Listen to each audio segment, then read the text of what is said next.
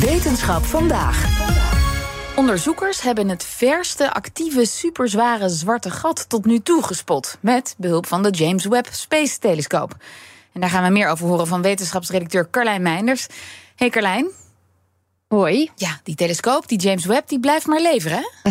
Ja, nou en of. Um, uh, we hadden ook alweer een tijdje geen webnieuws besproken, volgens mij. Dus dat ja. werd uh, weer even tijd.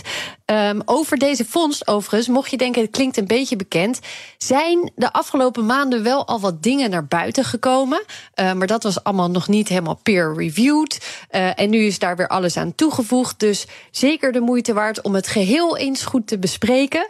Uh, laten we beginnen bij het sterrenstelsel waarin dit superzware zwarte gat zat. Sears 1019. Uh, dat stelsel bestond ongeveer 570 miljoen jaar na de Big Bang. Uh, en het zwarte gat dat je er vindt is uh, zwaar, maar mm -hmm. minder zwaar dan andere zwarte gaten die in het vroege universum zijn gedetecteerd. En dat was nog niet alles, weten we nu. De Amerikaanse onderzoekers ontdekten nog twee van deze vrij lichte zwa zware gaten, zware zwarte gaten, plus elf vroege sterrenstelsels. Maar als jij zegt, ja, dat zwarte gat is niet zo heel zwaar. Ja, ik kan me er nog niet zoveel bij voorstellen. Waar praten we dan over? ja, dan komen we weer uit bij de massa van onze zon. Uh, dat wordt vaak gebruikt. Het zwarte gat in onze eigen melkweg is 4,6 miljoen keer de massa van de zon. De meeste zwarte gaten die tot nu toe in het vroege universum zijn gezien, waren veel zwaarder dan dat. 1 miljard keer de massa van de zon. En het zwarte gat dat ze nu hebben gezien is 9 miljoen keer de massa van de zon. Dus die zit dichter bij die van ons. En is zo'n minder zware dan ook moeilijker te spotten dan die giganten die al bekend waren? Ja, zeker. Ja, die hele zware zijn veel feller en daardoor beter te zien. Maar uh, dit zwarte gat is dan misschien klein van stuk uh, of licht van stuk. Het ontstond al heel vroeg in de geschiedenis van het universum. Er was al wel bekend of berekend dat het mogelijk moest zijn dat er op dat moment ook kleinere uh, zwarte gaten waren. Maar dankzij James Webb is het nu ook echt gedetecteerd. En lijkt dat sterrenstelsel waar die in zit dan ook op die van ons? Nee, en dat was ook wel interessant. Ze konden uit de data halen welke signalen er van het zwarte gat kwamen en welke van het sterrenstelsel waar het in zat. Ze zagen dat het een sterrenstelsel uh, was dat gigantisch veel gas naar binnen werkte en tegelijk nieuwe sterren naar buiten aan het pompen was. En waar veel stelsels een soort schijf zijn, hè, waarin je alle sterren en gas en planeten misschien kan vinden, lijkt dit meer een soort drie klonten sterrenstelsel. Um, het kan uh, zijn dat uh, hier sprake is van het samengaan van meerdere stelsels. Wat dan ook een mogelijke verklaring is voor waarom er zoveel activiteit te vinden is. En kunnen ze ook dan niet zeggen over hoe dat zwarte gat daar komt? Ja, daar hopen ze uh, wel op een later moment nog iets over te kunnen zeggen. Want voor de vorming van die vroege zwarte gaten. Uh, en hoe ze dat zo snel al na de Big Bang konden doen. Hoe die zo snel konden ontstaan. Daar kunnen we nog maar heel weinig over zeggen. Er is vooral veel theorie over. Dus dat zou natuurlijk geweldig zijn als ze deze data ook kunnen gebruiken om daar iets over ja. te zeggen. En naast dat ene zwarte gat wat je net beschreef, hebben ze dus meer gezien.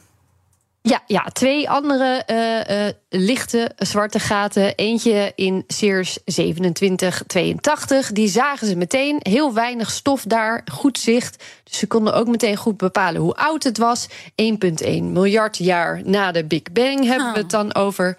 Uh, het derde zwarte gat zat in Sears 746 bestond iets eerder, 1 miljard jaar na de Big Bang. Maar daarvan konden ze de schijf die om het zwarte gat zat, waarin je uh, gas en stof vindt, niet helemaal zien. Voor een deel ervan zat te veel stof. En dat zegt mogelijk weer iets over hoeveel activiteit er op dat moment in het sterrenstelsel was. Waarschijnlijk werden er heel veel sterren hmm. gemaakt op dat moment. En dit waren dus ook van die vrij lichte zwarte gaten. Ja, klopt. Uh, ook deze waren lichter vergeleken met eerder gevonden superzware zwarte gaten op deze afstanden. Uh, deze waren zo'n 10 miljoen keer de massa van de zon. Dus vergelijkbaar met die andere die ze hebben gevonden. En nu ze weten dat met Webb zelfs deze lichte zwarte gaten gespot kunnen worden, denken ze dat ze nou zo'n beetje all over the place zouden moeten voorkomen. Met eerdere telescopen konden ze namelijk gewoon nog niet worden gezien, omdat ze niet uh, fel genoeg waren daarvoor. Maar nu weten we, ze zitten er en we kunnen ze ook zien. En die andere sterrenstelsels die ze hadden gezien, die uh, prikkelen ook mijn nieuwsgierigheid.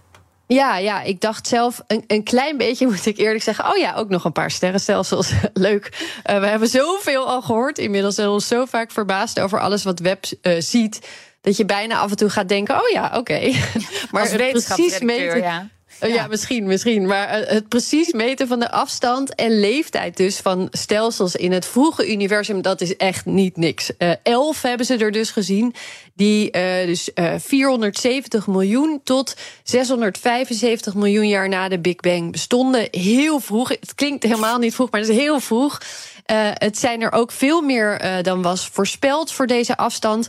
Daar waren de onderzoekers ook verbaasd over. En ja, hoe, hoe nu wordt gekeken naar sterrenformatie, naar de evolutie van sterrenstelsels en de vorming van die zwarte gaten vooral ook ja, dat kan dankzij data als deze en alles wat er de komende tijd nog gaat komen, echt heel erg veranderen hoe we daar naar kijken. En dat is toch wel leuk dat we dat van nou, redelijk dichtbij mm. zo allemaal kunnen meemaken ja, met z'n allen. Zeker. Dankjewel, Carlijn Meinders.